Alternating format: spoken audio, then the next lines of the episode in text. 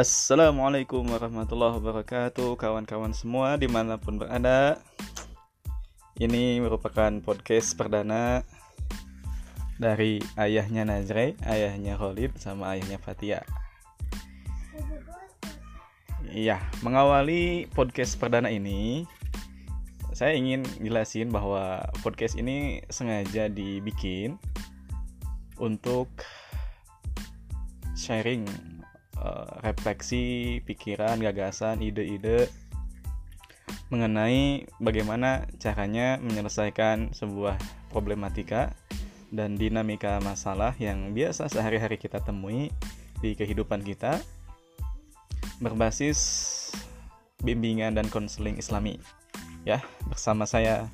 Taufik Ginanjar